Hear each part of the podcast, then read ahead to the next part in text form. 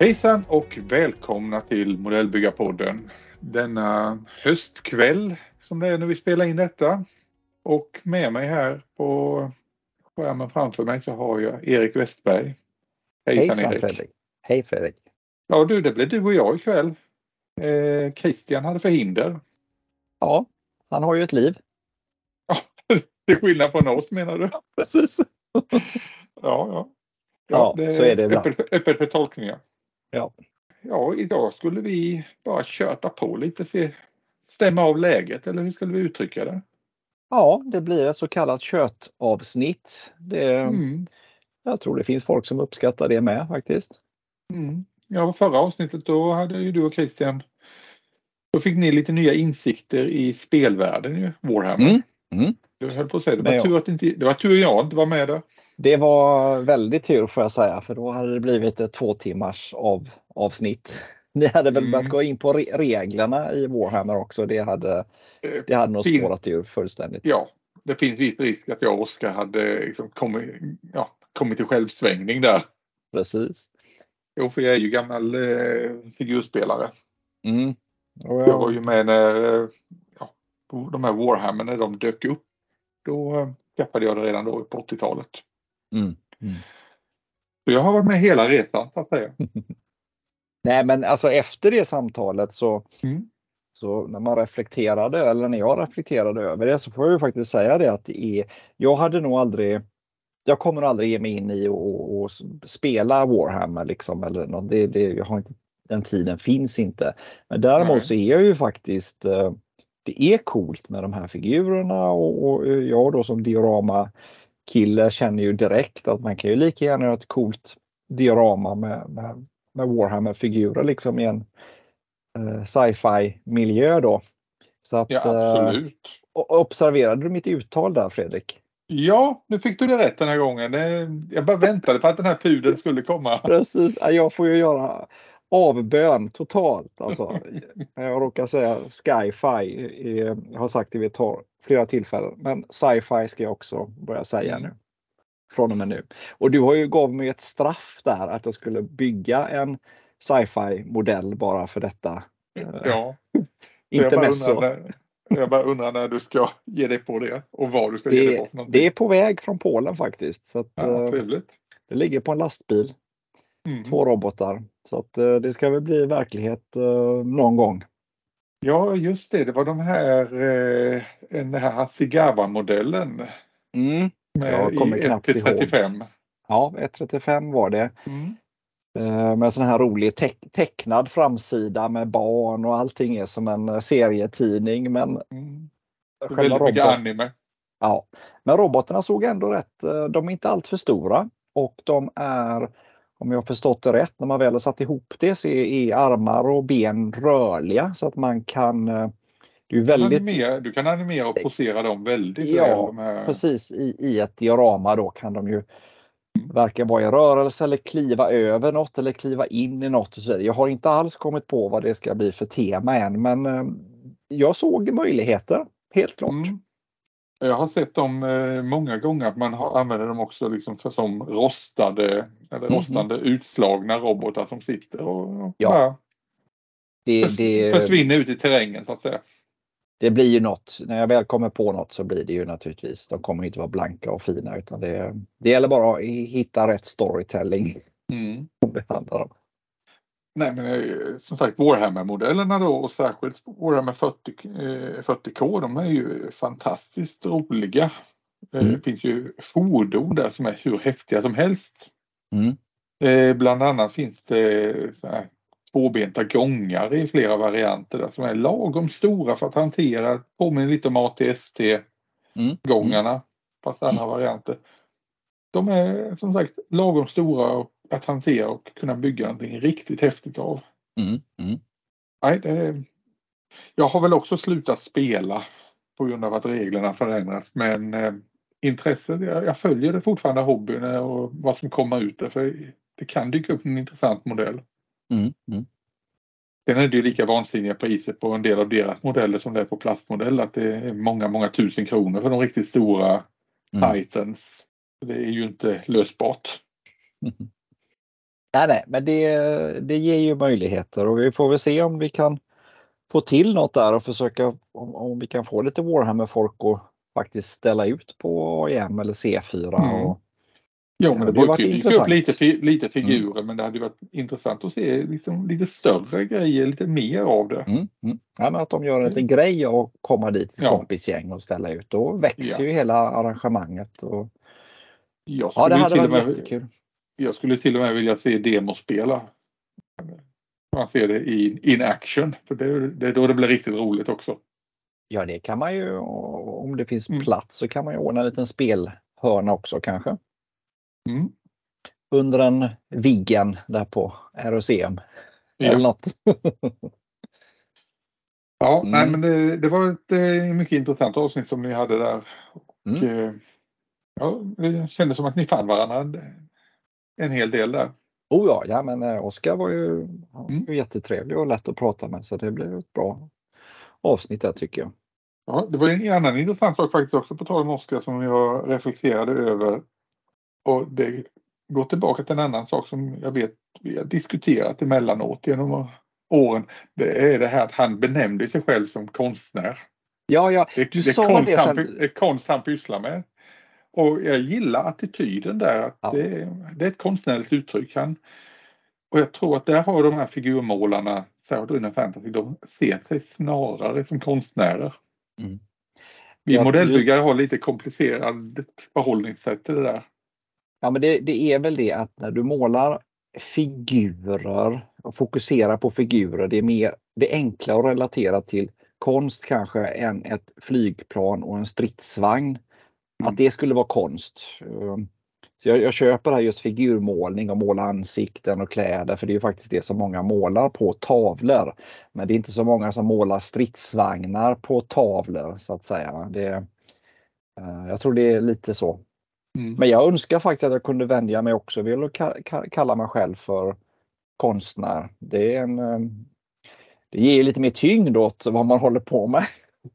Jag tror det är mycket för vår självbild också framförallt. Att, eh, mm. Om man eh, ser på det här att det här är någonting jag gör seriöst. Jag lägger ner massor med timmar i det här. Mm. Och vi bryter, nu vill kritiken in här. Mm. Ska vi släppa in honom? Ja, ja. Hallå, hallå, hur står det till? Hallå ja, Han hoppade upp som gubben hej i lådan. På er, hej på er! Vad, eh, har ni eh, som vanligt pratat om ditten och datten eller har det bara varit mest datten? Ja, vi har väl eh, hunnit med ditten än så länge. Datten ska vi komma till höll jag på att säga.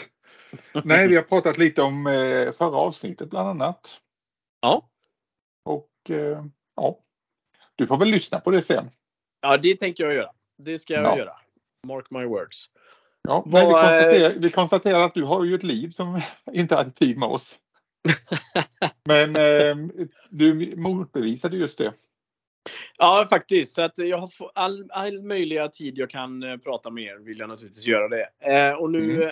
det är ju den här eh, challengen kring The Wall som faktiskt tar det mesta av min byggtid just nu också. Så att jag vill väl strypa Erik egentligen som drog igång detta. Eh, men det, Hallå, det ska ju komma The Wall 2 och 3 Nej, och 4 sen också. Oh Fast det behöver inte vara just en wall, det kan vara vad som helst. Bara vi bygger, något tillsammans. Ja, okay, mm. the, okay. the Gutter. The ja, Gutter. Ja. The... Ja, ja. ja. Men Nej, eh, det, det, kan vara färdigt, det kan vara färdigt Christian till nästa gång. Har vi sagt. Ja, och det är inga problem. Jag blir klar ikväll blir jag. Så det känns ja. tryggt. Mm. Ja, men vi eh, väntar med The Wall som sagt till nästa gång och eh, det kan vi väl säga som en teaser då att eh, The Wall, det var ju en liten utmaning som vi har satt igång här med oss emellan. Vi ska bygga varsin vägg med lite olika tekniker och sen diskutera det helt enkelt. Mm. Det var väl det som var förutsättningarna mm. i grova drag. Exakt. Ja, ja precis. Mm. Jaha du Christian. Va? Ja. Det är vad du har på byggbordet nu då, The Wall. Ja, det är faktiskt det. Jag har ju fortfarande mitt, eh, mitt pågående bokprojekt också, men det är, är The Wall kommer lite som en eh, inspirationsräddning från sidan faktiskt. För att eh, vissa byggen behöver man ha lite extra byggmojo för faktiskt. Så att eh, The Wall kom väldigt bra timingmässigt och eh, så, så, så, så, och jag håller ju på att minska min stash något. Jag säljer fortfarande lite grejer på Tradera då och då för att få plats med mer mm. Eh, byggsaker. Så att eh, nej, mer avancerat än så är det nog inte. Men innebär det, du pratar säger att du ska minska din stash, då pratar mm. du att du säljer saker men i nästa andemening säger att du köper saker. Blir det mindre jag, då? Ja, nej, men jag kanske köper saker som jag behöver. Ja, ja, okay. du, du byter att, ut gamla ja, grejer mot nytt, nya fräscha liksom. Exakt så. Och sen mm. är det ju så, vissa saker man har, liksom, jag ska inte säga påbörjat, men man kanske varit och klippt i en påse eller man kanske har eh, lånat någon del eller sådär. De grejerna kan man ju aldrig sälja så att de, då tänker jag, ska jag, jag får nästan slänga dem. Liksom. Det, man kan ju lägga ut dem för en krona. Det brukar jag göra naturligtvis på Tradera exempelvis. Mm. Och så ja, får, det, får man få det man får liksom. Men, eh, ja, antingen det eller så har du till eh, diverse kitbashing grejer. Ja, precis. Det är absolut sant. Eh, lite så som eh, de gjorde när de byggde en eh, ATSD eh, och hade mm. en Sonderkraftzug 222 i rumpan på den. Det är, ja. lite, det är lite sött faktiskt. Vad har ni pratat jag, om mer om då? Nej, men det är ungefär dit vi har kommit än så länge. Så vi, ja. vi kom in på en ganska bra övergång här. Eh, vad du helt enkelt, eller vad vi har på våra byggbord. Mm. Och för dig då, det är, då hade du ett bokprojekt och en liten The Wall. Hur ser det ut för dig Erik? Ja, jag eh, har ju också min The Wall. Eh, det var ju bara det att i vanlig ordning när det gäller Erik Westberg så man skulle bara göra en liten wall men det slutar ju med konverterade figurer och, och ja, det blir mycket större och mer än vad man har tänkt från början. Det, muter, det muterade. ja, men jag är jätteglad för det för det, det är ju det här Eh, det är ju ett litet bit av ett hus man ser som är The Wall men sen kör jag ju, mm. det blir ju en färdig vignett när det väl är klart då med de här två svenska soldaterna 1961 i M58 uniform med k-pist M45 och en halvkonverterad figur som håller i en KSB 58 då. Mm. Så det här hela, jag är skitnöjd. Det är jätteroligt att, bygga det här med svenskt också så jag får göra lite konverteringar och så vidare och jag lär mig. Varje bygge jag gör så, så känner jag man att man lär sig, man utvecklas och det är jätteroligt. Så att jag, jag njuter verkligen. Det ja. gör ju vi med. Det är ju en fröjd att få åka med på din resa här mm. faktiskt. Mm. För du postar ju alltid trevliga och spännande bilder på klockan 23 som, som sagt. Och då då är det lite roliga poser och du har ju dessutom själv blivit skannad ju så att nu har du ju faktiskt ställt in dig själv lite snabbt i dioramat däremellan. Men vi har ju också mm. vi har ju varit lite hårda mot det också har vi varit när det gäller skalor och så. Så det har ju varit väldigt utvecklande. Det är ju det här som har varit en rolig resa. Mm. Ehm, att uh, ja, man gör en, en mockup först med husväg och tak och så vidare. Och så lägger jag ut det till er då först, först och så får man ju väldigt, väldigt bra feedback och åsikter från er. Mm. Eh, och det tackar jag ju väldigt mycket för och det ledde ju till att taket byttes ut och stupröret eh, byttes ut. Så nu plötsligt så ser det ju riktigt bra ut. Jag är ju väldigt glad för det här för hade jag kört på version 1 som jag själv då kanske hade snöat in på så hade det ju inte alls, det hade blivit schysst men, men nu blir det mer verklighetsförankrat med Sverige och, och, det ser bättre ut. Så jag, är, jag tackar väldigt mycket för det mina vänner. Det visar hur bra, hur viktigt det, det, det, det var så lite så, jag säga. Mm, mm. Nej, men det är ja. fantastiskt att, att, kunna få feedback på, på ett bra, bra sätt liksom, verkligen. Mm. Ja, vad händer annars då Erik? Vad har du annat på byggbordet? Har du mer parallella grejer eller är det bara det här lilla vignetten nu som Ja, nu, som, nu vet ni ju att jag har gått rätt hårt all in på det här. Men eh, jag har ju, jag fick ju, vi kan ju ta det där med det här med att jag skannade mig på, på C4. Mm. Det var ju faktiskt väldigt eh, roligt eh, och eh, tycker jag pris, prisvärt också. Eh, mm. Och det enda jag behövde göra var att stå still i tre minuter och det kan man ju stå ut med. Mm. Eh, och sen så då nu för, vad var det, det var väl en vecka sedan eller lite mer, så fick jag ju mig själv då i eh, en 75 mm version och två stycken eh, en 35 mm. eh, var det jag fick. Och jag kastade mig genast igång och grundprimade och gjorde liksom en första grundmålning med, med en av de här 1.35 figurerna och provade då mina nya Scale 75 eh, färger. Uh, och det blev, dels blev jag förtjust i att, måla och jobba med mig själv. Det var ju jättekul. Ego, ja. deluxe. Och sen så var ju det här med Scale 75 färgerna helt makalöst roligt. Nu ska jag inte säga för mycket om dem eftersom jag bara har mm. hållit på någon timma med dem. Men, men den, den timman resulterade i att jag beställde hem eh, väldigt mycket 75 färger som faktiskt kom mm. i går hämtade jag ut det här. Så jag har en, en, flera kilo tung låda med, med färger och lite pigment och annat kul från, från en och samma leverantör. Så att, eh, mm. oj oj oj, här, ehm, jag har till och med tagit lite extra semesterdagar över jul och nyår för att kunna få leva ut eh, med de här färgerna. Nej men Erik, det, jag har ju jobbat med Scale 75 färg i flera år och eh, jag, kan ju, jag kan bara lovorda dem när det gäller figurmålning. Mm. De är fantastiska att sitta och jobba med där. Det är, mm. De är ja, underbara att lägga, upp på våtpaletten jag... och jobba med det. För det är, ja, mm. de, de är lätthanterade. Bra, pig, bra fina det... pigment i dem och allting. Ja, det som jag, det, det jag märkte direkt och det jag föll för pladask, det var ju det att det passade så bra eh, med den typen av primning som jag har gjort sedan länge. Och det är då mm. att jag kör dem med Citadels Chaos Black först eh, och sen så highlightar jag med Citadels eh, Skull White. Mm. Eh, så mm. de blir ju nästan grå och det är ju bara de mörka skuggpartierna som fortfarande är, svarta då så att säga. Och då märkte jag ju med det som skilde Scale 75 mot andra färger jag jobbat med, det var ju liksom att när du la den färgen på den här ljusgrå primen mm. så la ju, man får ju ta tunt, man får inte ta för mycket färg, men, men du tar ett normalt lite utspätt lagerfärg så blir ju det bara som, det blir som en kontrastfärg så att mm. säga. Alltså, sakt, bygger du upp sakta sakta men då blir ju att den här ljusa grunden lyser ju igenom färgen. Mm. Så du kan liksom bygga upp det här och du får ju gratis highlight så att säga av din ljusa mm. primer. Mm. För nästan ja, de flesta andra de har, färger som...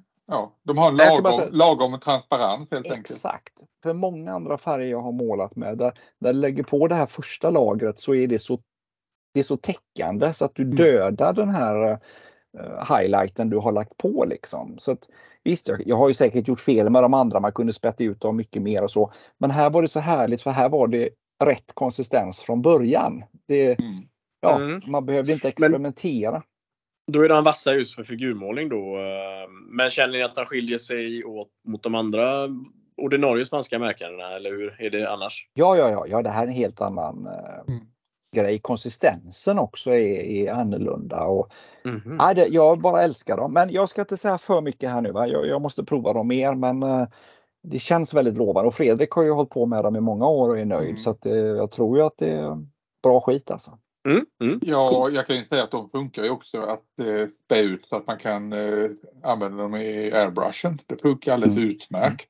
Mm. Eh, I alla fall om man har det i mindre, eh, vad ska jag säga, mindre grejer. Mm. Men den, i och med att färgen är så tjock som den är, den är långt ifrån till exempel en Vallejo Model Air. Utan eh, den är tjockare till och med än den vanliga Model Color. Vallejo. Okej. Okay. Jaha. Så det behövs inte mycket färg utan det är mycket, mycket förstunning istället att jobba med. Mm. Men, ja men precis, den är tjock i konsistensen. Ja, men det gör ju som att den var väldigt utspädd, men då är den jo, inte det. Den, den, den är mer utspädd men ändå tjock i konsistensen på ett konstigt vis. Det... Ja, men den, den, den, är tät i pigmenten kan vi säga och mm. eh, jag använder ju den i princip alltid när jag använder den så har jag en eh, en eh, sån här wet palette. Och den är jättebra, mm. liksom bara lägga upp en lite där och sen går det väldigt lätt att jobba med den. Med fukten från wet palette och eh, sakta men säkert få lite i taget av den som är i rätt, rätt vad ska jag säga, konsistens. Uttunnad. right. Jag får upp och se om jag har någon, någon liggande så jag, i så fall har jag nog inte noterat den här fantastiska egenskapen som ni har upptäckt. Så det var ju, det var ju härligt. Mm. Nej men sen eh, men det ju, har ju andra fabrikat också bra sätt där eh, man får till exempel ett antal blå toner eller ett antal röda toner. Mm. Eh, jag tycker den funkar väldigt bra. Jag är nöjd med dem. Och det, jag har samlat på mig de flesta av dem. Och, mm. Ja. ja men jag tycker det är roligt att man upptäcker nya grejer som man mm. Jag har ju inte hållit på så länge. Jag tjatar om det här 2015 så att ni har hållit på mycket längre. Men för min del så är det ju så jäkla häftigt att man fortfarande har chans att upptäcka mycket nytt som man blir förälskad i och gillar och, och så. Det, mm. det känns roligt. Mm.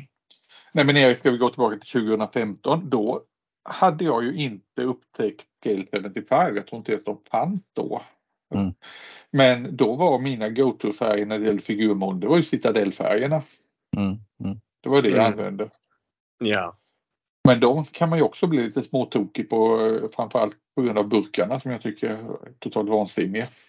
ja, de, jag har en hel del av dem också. Det, de, de, är, de är lite svårjobbade. Men färgen är ju faktiskt en väldigt bra tät. Men, men där blir det snarare tvärtom med Scale 75. Att där blir det ett väldigt tätt lager, tjockt lager. Mm. Liksom. Det, det, är svårt, de är väldigt svåra att, att jobba med det här med Sen kommer ju de med sina contra contrast colors Ja. Mm. Så de utvecklade ju sig också. Mm. Ja, och det här, med, det här med contrast color det är ju the shit nu hos eh, de som håller på med wargaming. Mm. mm. Och målar sådana figurer. Det är ju så man, de har ju anammat den stilen nu.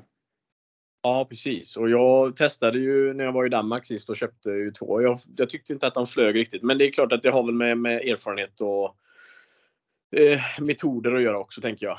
Men, ja, men det du sa det, tittar, du, tittar du på alla tutorials så är det just det som gäller just nu. Ja, och det går fort för dem och det blir ett ja. ganska bra resultat. Så att jag mm. kan verkligen köpa att kan man måla en hel armé eh, och inte vill lägga tre veckor på det så förstår jag att man gör en, en snygg och en bra lösning. Vad var det Oskar sa? Battle ready? Eller vad Battle ready, precis. Det var så här, good mm. enough. Ja. Eh, precis. Mm. Nej, det jag tänkte på det var ju det här med, för att ibland, man hör ju fortfarande som folk som pratar om pre och post shading liksom. Och mm. Jag tycker ju generellt sett att det är en, och nu kommer jag få hela modell Sverige emot mig, men jag tycker att när det gäller fordon så kan det vara en, en, eh, en intressant och spännande tanke, en chimär, men det, det, det får väldigt sällan en praktisk betydelse att göra en, pre-shading. Alltså för oftast så ser man att folk lägger på alldeles för tjocka, tunna, eller för tjocka färger efteråt så att då har, försvann hela effekten med att göra en förvariant. Men det du mm. beskriver Erik om för figuren där, då, då, då är ju hela grejen nästan the, the pre-shading liksom. Du, du får en helt annan, när du jobbar med pensel, då kan du ju kontrollera det här på ett mm. väldigt bra sätt. När du står med en airbrush och ska Alltså det, jag, nu har jag inte målat så mycket eh, fordon med, med, med airbrush förvisso, men jag har gjort någon med, med, bra resultat. Liksom. Och det är som du säger, där gjorde jag ju det här med mitt svarta och mitt gråa precis som, som när jag gör med figurerna. Men när jag hade gått på det med, och det var ändå med Tamaya-färger och, och, så. Precis som du säger, du lägger ändå på så mycket färg mm. för du gör kamouflagemönster så måste du gå på med flera gånger så det är jättesvårt att få ut den effekten av det. Ja, det är nog det, faktiskt Då får man vara väldigt duktig. Um, ja. Men, men där, där tror jag faktiskt att vi rent generellt har dåligt tålamod så vi, vi lägger ofta på för tjock färg. Ja. När vi ser att liksom, ja, det här täcker ju inte. Mm, mm. Och då, då, tänk, då tänker vi liksom fel utan då, då drar man på istället för att säga nu ska vi täcka alltihopa. Mm. Ja. Nej, men jag har väldigt dåligt tålamod när jag luftpenslar. Mm. Det, har, det kan jag absolut erkänna att jag har. Och när man ser folk på internet som tar millimeterstråk och försöker få den här äh, färgvariationen liksom. Och jag mm. får ju krupp när jag ser det. Jag är imponerad men jag får krupp alltså. Mm. Mm. Nej, för att eh, nu har jag suttit och jobbat med en eh, maskinen kring en Gantz. Det har ni mm. Har ju lagt ut några bilder till, till er grabbar. Och där körde jag faktiskt ganska hårt på det här med att tänka pre-shading. Jag, jag gick steget längre. Jag tog helt enkelt och grundade hela modellen svart. Ja. Och eh, lät de skuggorna liksom vara grunden och sen jobba upp eh, den färg som modellen skulle ha sen. Mm. Men det var just det här att tänka jag ska tunna ut färgen väldigt mycket. Jag ska tunna ut, jag ska tänka flera lager istället. Och det, är, det var tålamodshästande kan jag ju säga. Mm. Ja. Men kände du att du fick ett, det, det djupet du ville ha då, på grund av den förskuggningen så att säga? Ja, det fick jag. Mm. Eh, jag var ju medveten också, i och med att jag körde så tunt så brydde jag mig liksom inte om att gå hela vägen ut till kanter och så vidare utan jag lät skuggorna finnas kvar där. Mm. Och nu målade jag den här blå i botten. Och ja. jag körde tre olika blåa nyanser. La på right. varandra. Och de jobbade jag då koncentriskt. Så den, jag hade ju som sagt en svart botten. Och sen eh, la jag först den, den mörkaste blåa. Och den mm. fick ju gå nästan ända ut. Det var väldigt tunn, tunnad färg. Och sen lämnade jag den eh, kanten, ja, när jag fortsatte med de ljusare tonerna så gick jag inte ända ut i kant utan jag jobbade mig inåt. Och mm. tänkte highlight helt enkelt. All right. Det blev rätt så häftigt. Det blev eh, dramatiskt kan vi ju säga. Ja, ja men det är ju lite coolt. Och jag tänker att generellt sett så jag går nog mot mer och mer utspädd när jag luftpenslar nu för tiden än vad jag har gjort mm. någonsin. Så att generellt sett så använder jag ganska tunna lager nu för tiden och det har jag inte gjort förr.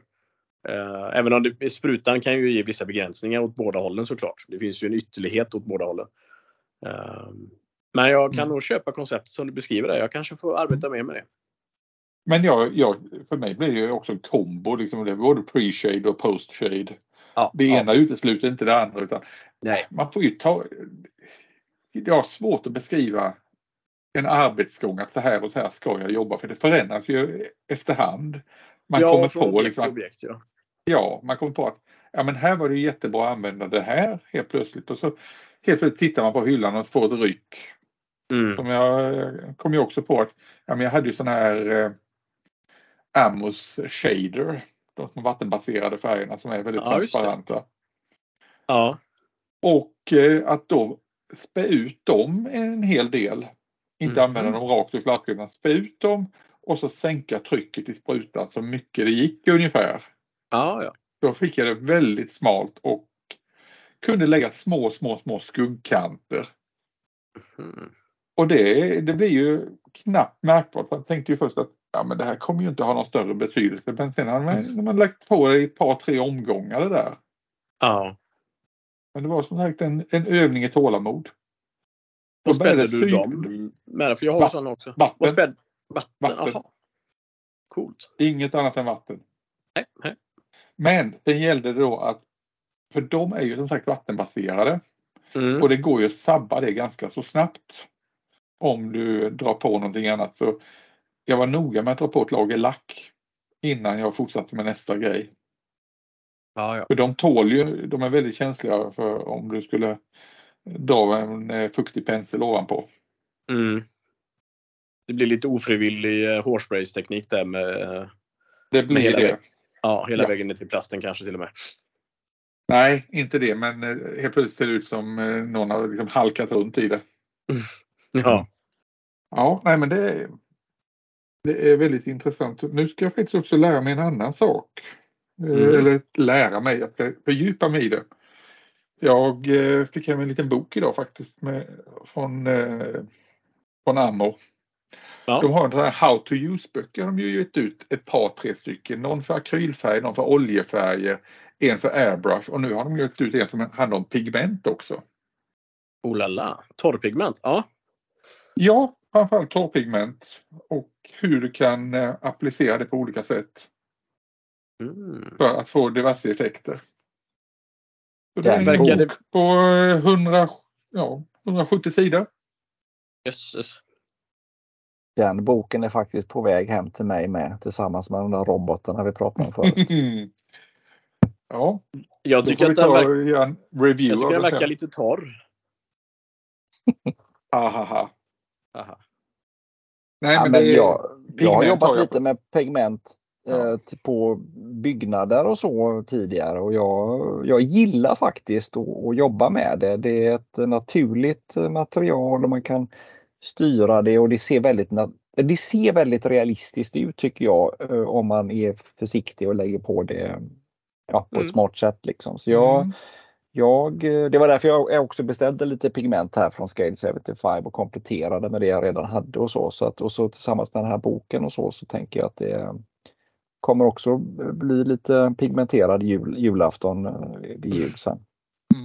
Nej, men det, vissa ja. saker är lite intressant att se här eh, i den, det lilla jag hunnit bläddra i den och det är ju bland annat det här, det handlar inte bara om att lägga på pigment utan även att kunna ta bort pigment.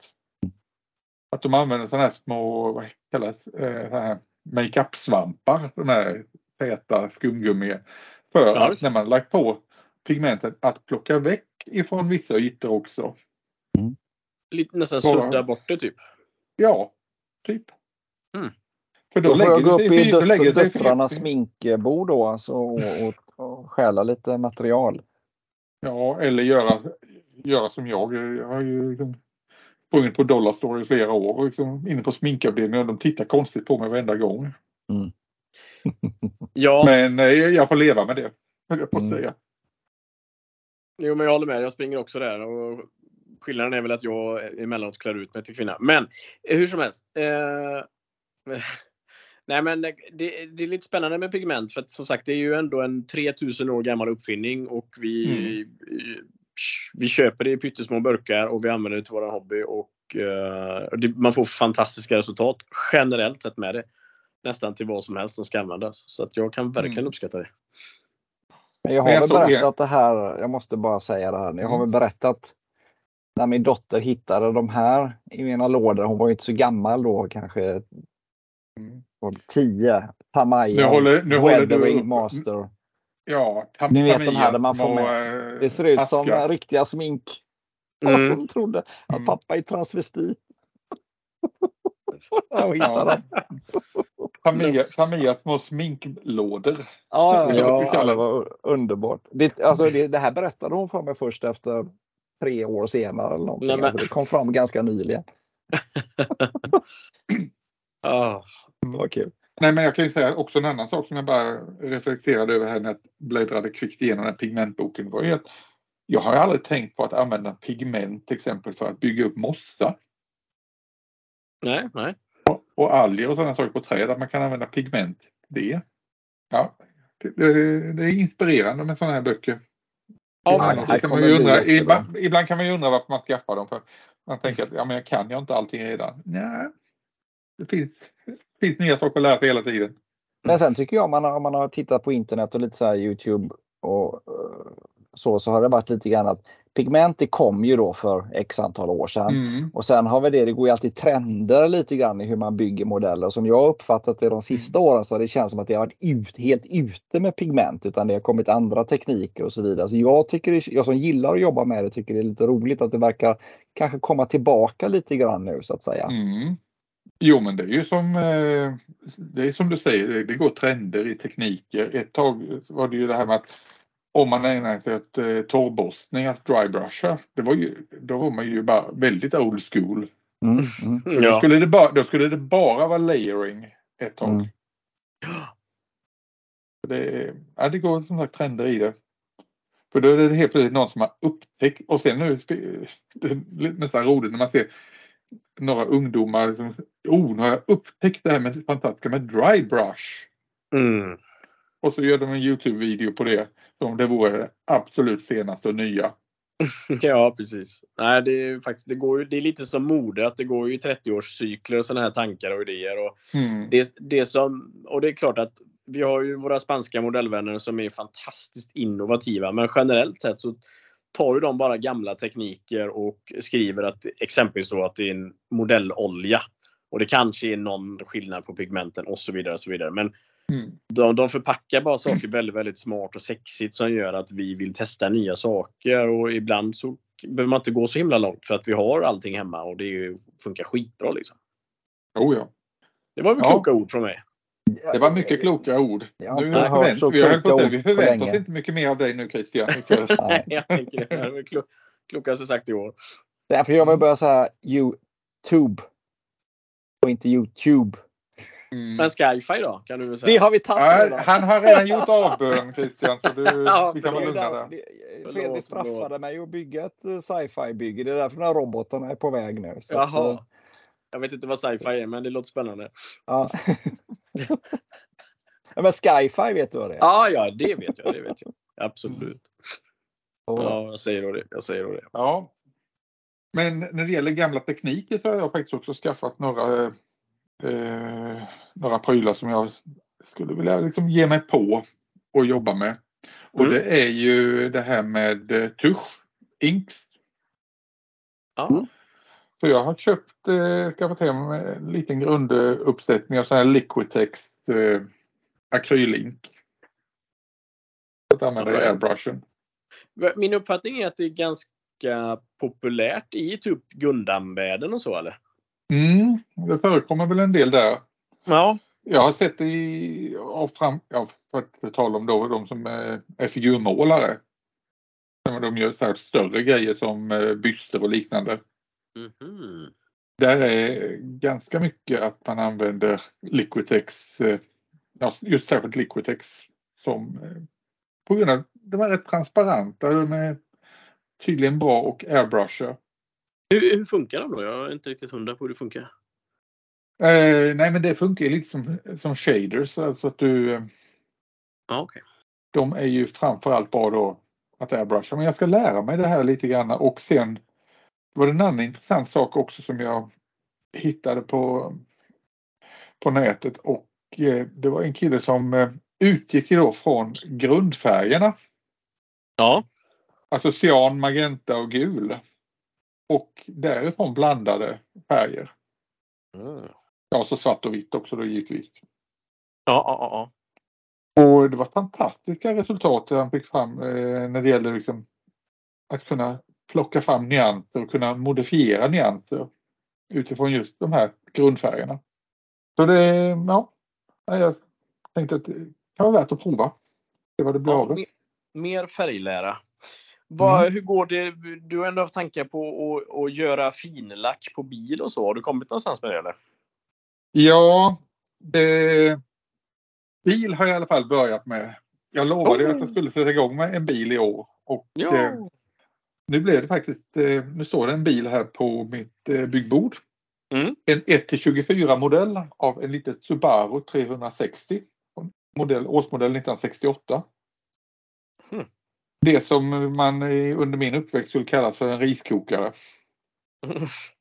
Ja, det är alltså en liten konstig eh, japansk kärra som är, men den ser väldigt rolig ut.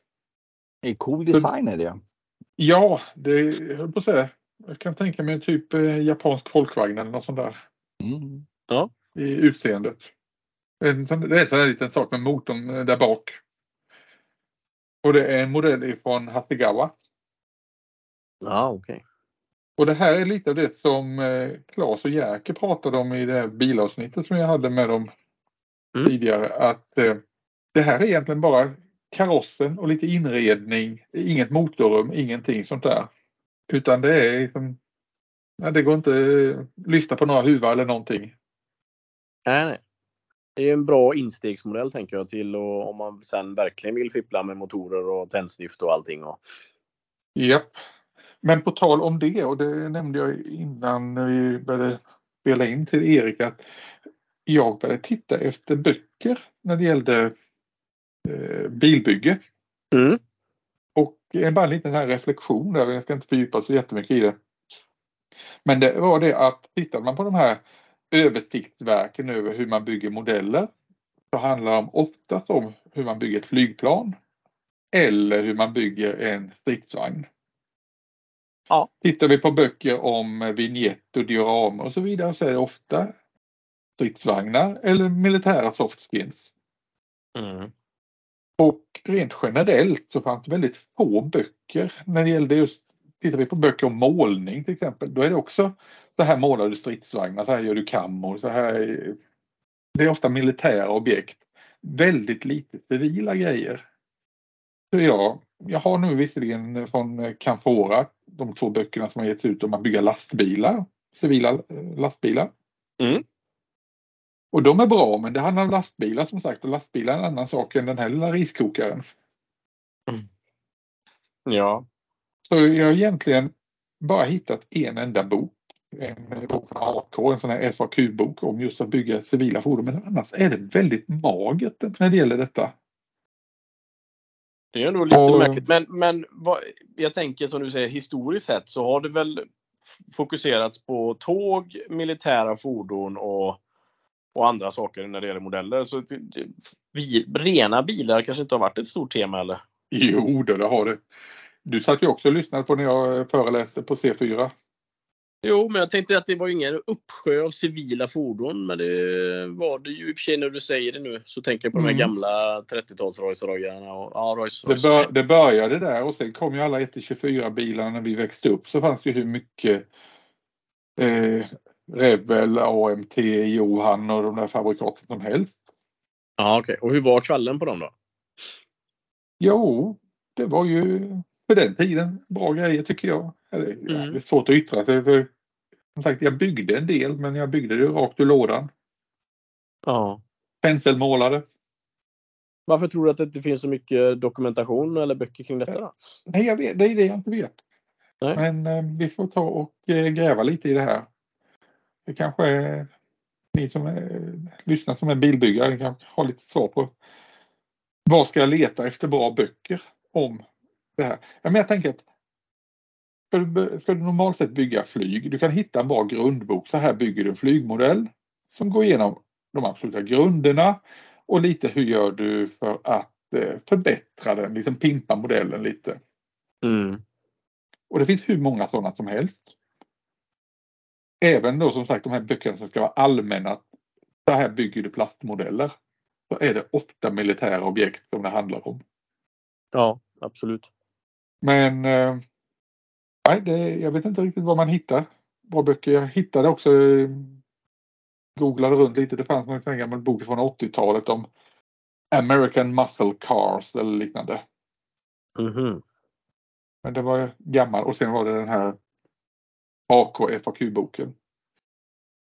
Vilken nu är på väg hem till mig med, med den, jag tror ungefär samma lastbil som Nej, det var inte från den. Eh, var annan lastbil än den Erik väntar på. Kanske samma fabrikat på lastbilen, men inte samma lastbil. Nej, inte samma Men du får väl skriva en bok själv i värsta fall. Ja, säga, du behöver ju inte ha någon bok. Vad ska du med en bok till? Vad fan? Nej, det är en bra fråga. Nej, men det är lite ja. intressant att veta vad, för det, tittar vi just när det gäller flyg och pansar och så vidare så finns det ju nästan att man kan säga att man börjar med det här, sen går man vidare och vill du levela upp så lägger du på den här biten och den här biten och den här biten. Mm. Vi kan nästan se det som att det finns en trappa. Men jag som inte har det här naturligt med bilbyggande. Jag vet inte hur trappan ser ut när det gäller bilbyggande. Nej, men du har rätt, för man vet ju inte vad nästa steg är. Är det att byta ut avgasröret till ett riktigt metallavgasrör eller, är det, eller liksom vad, vad, vilka möjligheter finns och inte och så vidare. Ja. Samtidigt så, så, så, tror jag att du kommer komma långt med din erfarenhet generellt sett. Och, det är ändå vad du ska leta efter sen, tänker jag. Så att... Ja, ja det, det tror jag också. Men, eh, nej, men det, det är intressant det här. Det, det, var roligt faktiskt att ge sig på den här. Det var väldigt få delar till den här bilmodellen. Men eh, det, ändå är det en jädra utmaning. Hur, hur, målar man? För jag tänker att det är lite som flygplan att man nästan får fokusera på cockpiten först då, eller hur? Eh, som jag ser det så vi har ju hela karossen är ju ett enda stycke. Så det får mm. man nog ta och måla för sig och sen har vi chassi med botten och den får man väl måla för sig. Och här gäller det att tänka insidan också. Ja, precis. Och sen ska glasen dit så jag tror man får göra mycket och, i sektioner och sen mycket slutmontering. Mm. Jag, kan, jag tänker att, eh, och nu kanske folk sitter ute och garvar och bara det åt mig. Liksom, ha, fattar inte det men jag tänker att sådana saker som eh, fönster och liknande det är någonting som får eftermonteras efter målning. Det är inte som att eh, om vi ska bygga flygplan så maskar vi ju det hela. Mm, nej precis. Jag tror att det är precis som du säger nu att, att nu sitter hela bil, bilbyggarvärlden där ute och skrattar åt oss. Men vi bjuder ändå mm. på det. För att vi, vi tycker att det är kul med nya utmaningar och vi vill lära mm. oss mer. Och jag vill lära mig. Det säger i fotbollen. Hela Sverige skrattar. Hela Sverige Oj. skrattar. jag vet inte vem fotboll är men okej. Okay. Ah, okay. Nej, där, där, den referensen gick mig helt förbi. Nej, helt klart. Helt klart. Mm. Ja. Ja, ja. ja, nej men det är väl det som eh, är på gång här. Eh, jag förutom att jag också satt igång bara för att få rent självplågeri med en mikromermodell igen. Mm. Det blev USS Monitor från amerikanska inbördeskriget den här gången. Den modellen jag ja, hade ja, ja. Just det. Hur stor blev den? Den blir ungefär 35 centimeter lång i skala 1 på 144. Ja, ja det är ändå en pjäs alltså. Verkligen. Mm. Men har du en mattpiska Fredrik? För du kan ju lika gärna, det blir ju samma effekt att stå och piska sig på ryggen med den som att bygga en, en mikromermodell menar ja. du? Eller så bygger de det till gitarr för det ser ut som ett gitarrhölje höll på mm. Vad, men, vad Copper State då? Hur går det med dina byggen med Copper State? Eh, det ligger ner just för tillfället. Ja. Men ni, ni, vet ju, jag är ju hopplös parallellbyggare. Hopp, hopp, hopp, hopp, hopp. Det är skönt att du är det Fredrik, för då känner man igen sig själv. Så man, Eh, det är det värsta jag vet när man pratar med folk som är så exemplariska, bygger en grej i sex månader och rör inget annat. Det är, uh, det är, det är så långt ifrån mig själv. Så det, du menar det van, van Gils att bygga ett fartyg? Ja, det är helt... Jag fattar inte. Ja, ja. Mm. Nej, men eh, nej, det är väl ungefär det som rör sig här hemma. Ja. Det är inte dåligt jag kan ju säga det att nu efter eh, efter C4 så känns det väldigt avslappnat faktiskt. Nu, för nu, är det, nu har vi lång, en lång vinter på oss. Och lång vinter och lång vår innan det händer någonting på nytt. Mm. Och nu är det bara bygga. Ja, man får inte sänka garden nu för det är nu man har möjlighet. Sen till våren då är det alltid mycket som händer.